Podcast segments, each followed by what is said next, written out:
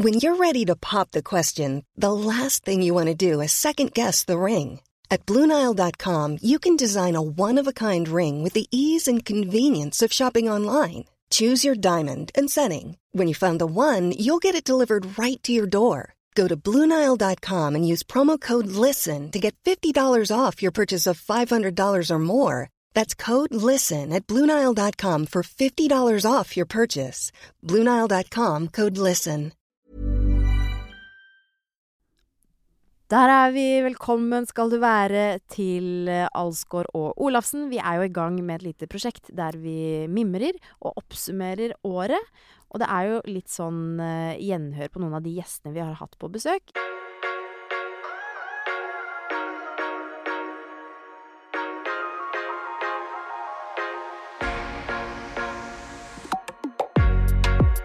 Thomas, du og jeg, vi syns jo følelser er uh, veldig spennende å snakke om. Også det har naturlig nok vært tema eh, Ja. mange ganger i løpet av høsten. Følte jeg meg veldig lite maskulin, da. Men kanskje er, det, er man ikke ordentlig mann før man tør å være stolt av å være et følelsesmenneske?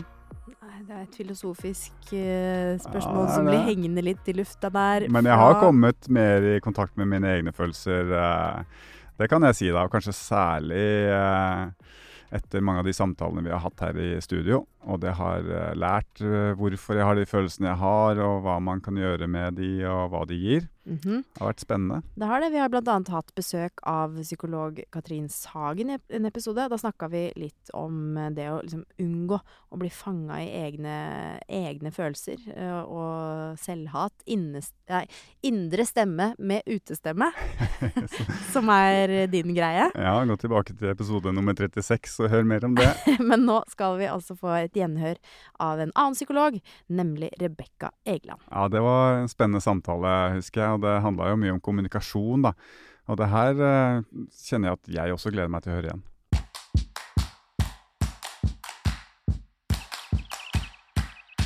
det kan være lurt å be kollegaer eller medarbeidere om tilbakemeldinger, ikke bare feedback til, hvis du er leder til dine medarbeider, men spørre hvilken effekt har jeg på deg? Mm. Og hvis du skal gi meg ett råd, hva skal det være? Mm. Det Mm. rådet jeg fikk, var jo rett og slett det at når du er konsentrert og fokusert, så virker du sur. Mm. Ja. Eller overlegen eller Ja. arrogant, ikke Ja. sant? Mm.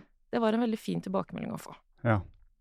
Ja, det, det kjenner jeg også igjen. fordi hvis jeg får en oppgave som skal løse det sånn, så går jeg rett inn i det, og da er nok ansiktet mitt kan se ganske strengt ut, sint Mhm. ut mm. og se sur ut, men jeg er egentlig bare helt oppslukt i noe som interesserer meg voldsomt. da. Ja. Og da føles det så urettferdig, å bli Urettferdig, tolka som ja. det. Og så tenker jeg sånn Jeg vet jo at jeg ofte er min egen verste fiende, Ja. og så skal jeg smile allikevel. Ja.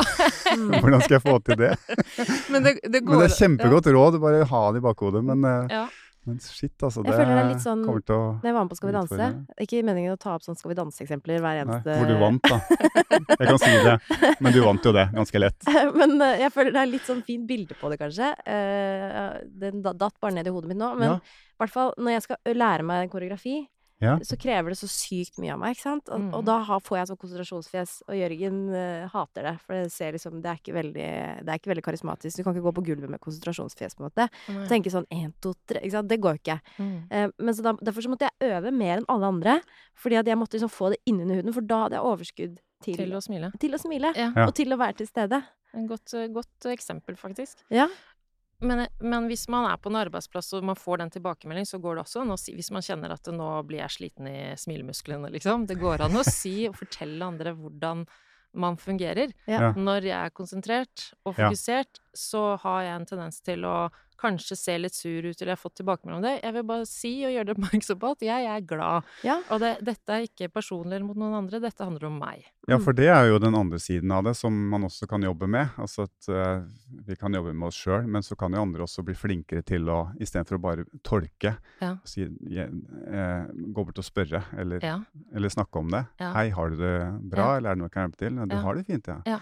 Istedenfor bare å gå rett ja. i tolkingen og si at sånn er det. Yes. For det, er- det Ja, så det er begge sider. av det. Men eh, du sa en annen ting, fordi man skal jo alltid prøve å løse en situasjon, da, og i arbeidsplasser og i mange situasjoner så kommer mange mennesker sammen med hver sin bagasje, og av og til så, så funker det ikke, liksom. Kjemien er ikke der, eller Mm. Og så skal man prøve å løse, men hvor langt skal man gå? Skal man for enhver pris løse alt? Skal vi på, for enhver pris Alle mennesker skal funke sammen? Nei. Eller kan man av og til si at vet du hva, nei. Vet du hva, det er en utopi.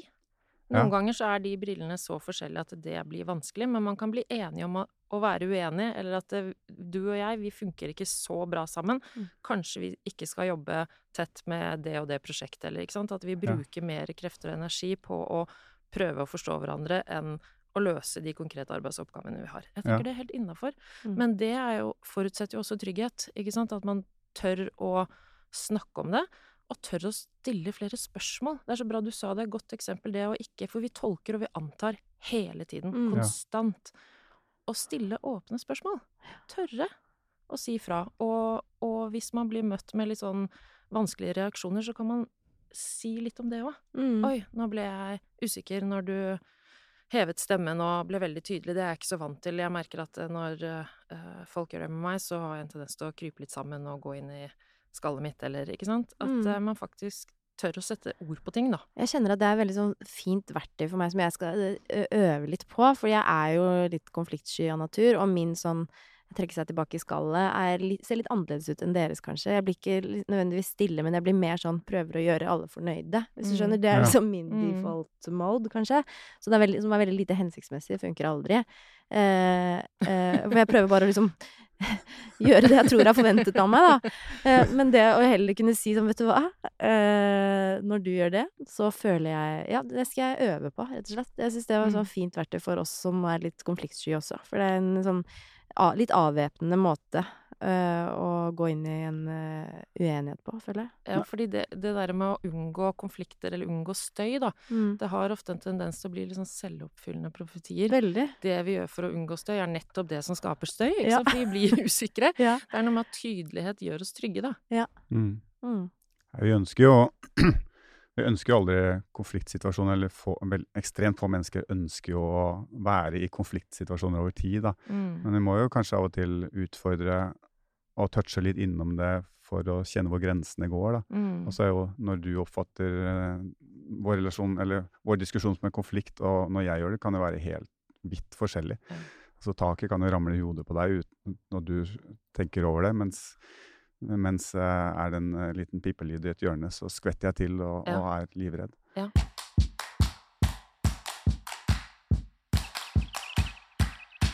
Jeg syns det er så spennende å snakke om hvor forskjellig vi kan oppfatte én ting eh, når vi kommuniserer. Ja, og jeg lærte utrolig mye av den praten. Jeg syns det var nyttig og interessant. En eh, klok eh, dame vi hadde på besøk her. Og enkelt forklart, jeg har tenkt veldig mye på eh, disse fargede brillene i ettertid. Syns det var et veldig fint eh, bilde på hvordan man eh, kan se ting forskjellig.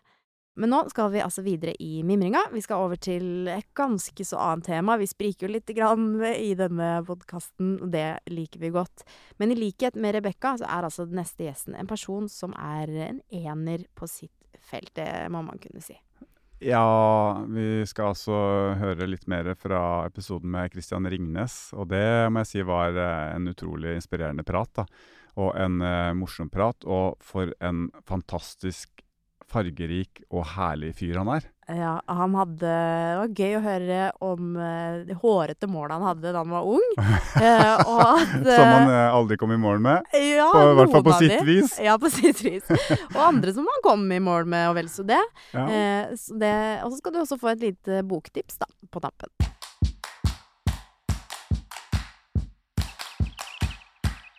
Hva er din beste investering økonomisk og personlig? Min beste investering eh, personlig, eh, det er nok å ha fått de barna jeg har. Eh, De skal jo forsyne meg med midler i alderdommen, for det er Ja. jo sånn det er. Det er en investering. Men de har gitt meg utrolig mye glede, og jeg er veldig stolt av dem. Eh, hvis vi skal komme til eh, hva er min beste økonomiske investering, eh, så er det fryktelig, har det vært fryktelig mange av dem. Og jeg har jo gått på ganske mange pærer også. Så det blir litt Men den som kanskje var spesielt lønnsom, var en eiendom som vi kjøpte i Danmark. Da var det krise der, og det var en bank som hadde gått konk. Og vi kjøpte den 10 millioner kroner dyrere enn det alle sa vi kunne gjøre. Men jeg hadde en leiekontrakt med min tidligere arbeidsgiver eh, McKinsey i baklommen. Eh, og så kom det noen gale svensker tre år senere, og da ble det 30-doblet eh, det beløpet vi hadde satt inn. Så det var ganske gøy. Wow. Oh, wow. Oh, shit. 30 så fikk vi rettssak etterpå, for svenskene skjønte jo at de hadde kjørt litt for dyrt. Men den tapte de. og det, det koser du deg med? Ja, selvfølgelig. ja du har en sånn eh, Du har en sånn aura sånn, over deg som er litt sånn unik. Du er veldig sånn eh, virker som du er veldig glad i livet. Du er ikke noe typisk næringslivsleder på et vis? Nei, og min fordel er at jeg har jo ikke så mange ansatte. Eh, og jeg har ikke så viktig samfunnsmessig rolle. Så jeg kan gjøre litt som jeg vil. Eh, og det er en veldig, veldig befrielse.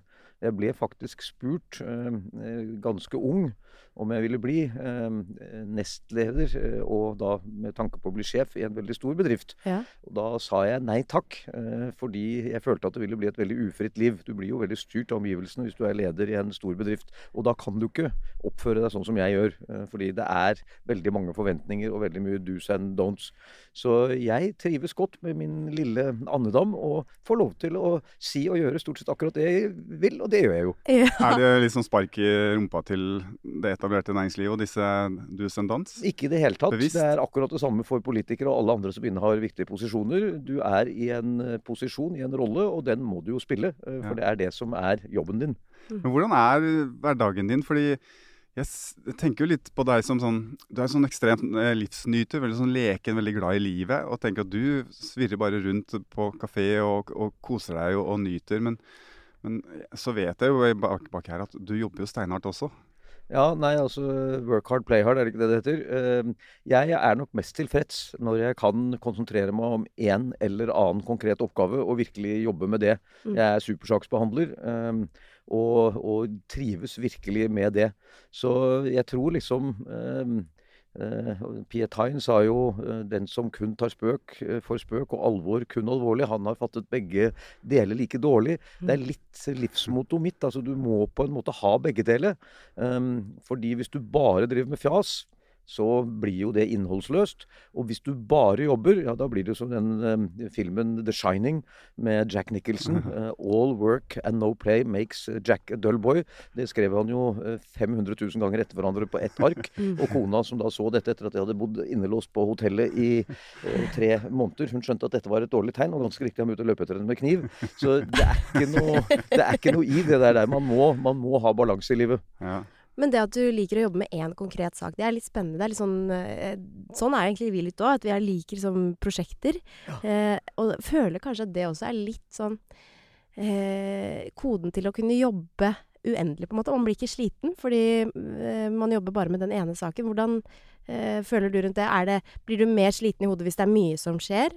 Eller? Ja, jeg er jo mann, eh, og vi klarer jo ikke mange ting på en gang. ja. Jeg kan ikke, jeg har iallfall fire ganger fylt diesel istedenfor bensin på bilen bare fordi jeg sto og snakket i telefonen og klarte ikke det engang. Så du har helt rett. Jeg tror det å konsentrere seg om én ting, det er veldig gunstig både for tingen og for en selv. Uh, og så er jo ikke verden sånn, fordi altså, verden stopper jo ikke opp selv om jeg driver med et prosjekt. Og jeg skal jo holde på med masse andre ting også. Uh, så du må på en måte klare å kombinere. Men jeg elsker å begrave meg ned i én ting. Men velger du da disse tingene, de prosjektene du nå engasjerer deg i, er det med hodet eller kanskje mer med hjertet nå? For du er jo på et nivå hvor du kan velge helt fritt. Ja, jeg tror det blir begge deler. Eh, igjen balanse. Altså, du vil jo ikke gjøre ting som bare er for lystens skyld. Det må jo være litt nyttig også, hva det man skal definere nytte som. Så nei, jeg tror eh, begge deler. Ehm, dessverre, det er ikke så lett å få sånne enkle svar. Det er, det er på den ene siden, på den andre siden. I gamle dager så var jo alt svart-hvitt. Nå er det mye mer nyansert, alt jeg eh, er borti. Du har jo, jeg har lest et sted at du ville, da du var yngre, så ville du bli sjef. Ikke bare det, jeg ville bli millionær og playboy også. Og Du ville det, ja? Ja, ja, ja. Dette skrev jeg både etter videregående Har du sjekka alle tre? Eh, ja, og jeg hadde det etter, etter skole i Jeg var jo student i Sveits, og der skrev jeg det til og med på fransk. Eh, Sjef Playboy er millionær, heter det så flott der. Ja. Så absolutt. eh, Og jeg har gjort det riktig dårlig. Altså sjef for 38 stykker, det er jo ikke store sjefen. Og um, Playboy, altså jeg er jo tross alt uh, gift og forlovet og jeg vet ikke hva. Um, og så uh, millionær. Jeg ble jo milliardær, så dette er en fullstendig fiasko. Men hvorfor var det så viktig for deg å bli sjef? Uh, jeg har alltid villet bestemme over meg selv. Uh, så altså det å være sjef betyr egentlig bare å være sjef for ett eneste menneske. Um, og ganske riktig, den første ordentlige sjefsjobben jeg fikk, da var det meg og en annen. Og det syns jeg var aldeles strålende. Ja, Så du tenkte i sånn utgangspunkt å være din egen sjef? Ja, ikke sant. Det å slippe at andre skal bestemme hva du gjør. Ja. Og så er jo det litt av en illusjon, fordi uansett, altså, du har jo alltid kunder, og du har banker, og det er jo masse folk som bestemmer hva du gjør. Men du kan iallfall bestemme når du gjør det, til mye større grad hvis du er din egen sjef. Ja, men jeg kjenner meg igjen i det. Folk har prøvd å bestemme over meg, og det går sjelden veldig bra. Mm. Det er et godt tegn. Jeg tror det. Jeg mener det er et godt tegn. Eh, hvis du kunne gi en bok i gave til noen du var glad i, hvilken bok vil ville du gitt da? Ja, nå holder jeg på å skrive en bok selv, så det måtte jo vært den boken, da. Men den er jo ikke ferdig med ennå. Så hvis jeg skulle Det kommer helt an på uh, hvilken setting det var i. Fordi forskjellige mennesker skal jo ha forskjellige bøker. Um, jeg har nettopp, eller ikke nettopp, for en god stund siden så leste jeg den til Abid Raja. eh, For han skulle avduke et verk for oss oppe i Ekebergparken. Og da tenkte jeg jeg får jo bla inn under boken hans bare for å se så vi har noe å snakke om. Mm. Um, og så var jo den så god at jeg ble jo sittende til klokken fire om morgenen uh, helt fengslet. Så det er en bok jeg godt kunne ha gitt bort. Ellers så må jeg jo si at uh, Ibsen har alltid vært meg spesielt nær. Um, og det er selvfølgelig litt mye å gi bort uh, trebinds samlete samlede verker, men det er noe jeg godt kunne gjort. Ja. Men den boken som har gjort aller mest inntrykk på meg, det er en som ble skrevet en som het Patrick Suskin, eh, som het 'Parfymen', Le Parfum. Um, kanskje duften på norsk. Eh, det er en helt utrolig bok som forteller om eh, parfyme og parfymelaging. Og det er da fra den gangen man faktisk gjorde det i Paris. Og han klarer å beskrive den stanken som var i Paris den gangen, med åpen, eh, åpent avløp ut i gaten og sånn. Og så hvordan denne fantastiske duften da blir skapt. Og det ender jo da opp med at han begynner å myrde jomfruer for å ta duften av dem. Eh, og dette blir jo den mest vellykkede parfymen som har vært solgt noen gang. Folk betaler millioner av kroner bare for en liten dråpe. Uh, men han må jo da gjøre det på en ja, litt pussig måte. Så det er en veldig sprø bok, men helt utrolig godt skrevet.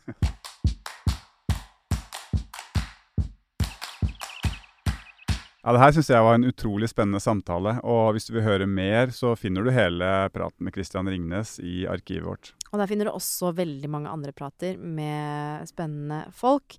Eh, og så hvis du syns at det er ålreit å høre på oss, så anbefal oss gjerne videre til eh, Ja. en venn. Eh, det Eller to. Eller to. og så du er frempå Ja, i skoa. det er Det liker jeg. Er, ja, det, er, det er i hvert fall veldig hyggelig om du vil gi oss den eh, julegaven. Eh, og så fortsetter vi igjen eh, neste uke, vi, med Ja. litt grann mimring fra året som har gått. Hva skal du gjøre resten av dagen i dag, Helene? Åh, jeg skal lage Det har- det har blitt helt hangup på kakao og krem eh, på minste Eller på Louis her. Ja. Eh, så det blir kakao med krem eh, på, kve- i hele kveldinga, familien? Ja. ja. Ja ja. Nei, jeg skal hjem til mer ribbe og ribbefett og surkål og marsipan. Ja, det blir aldri nok, vet du. God jul, da.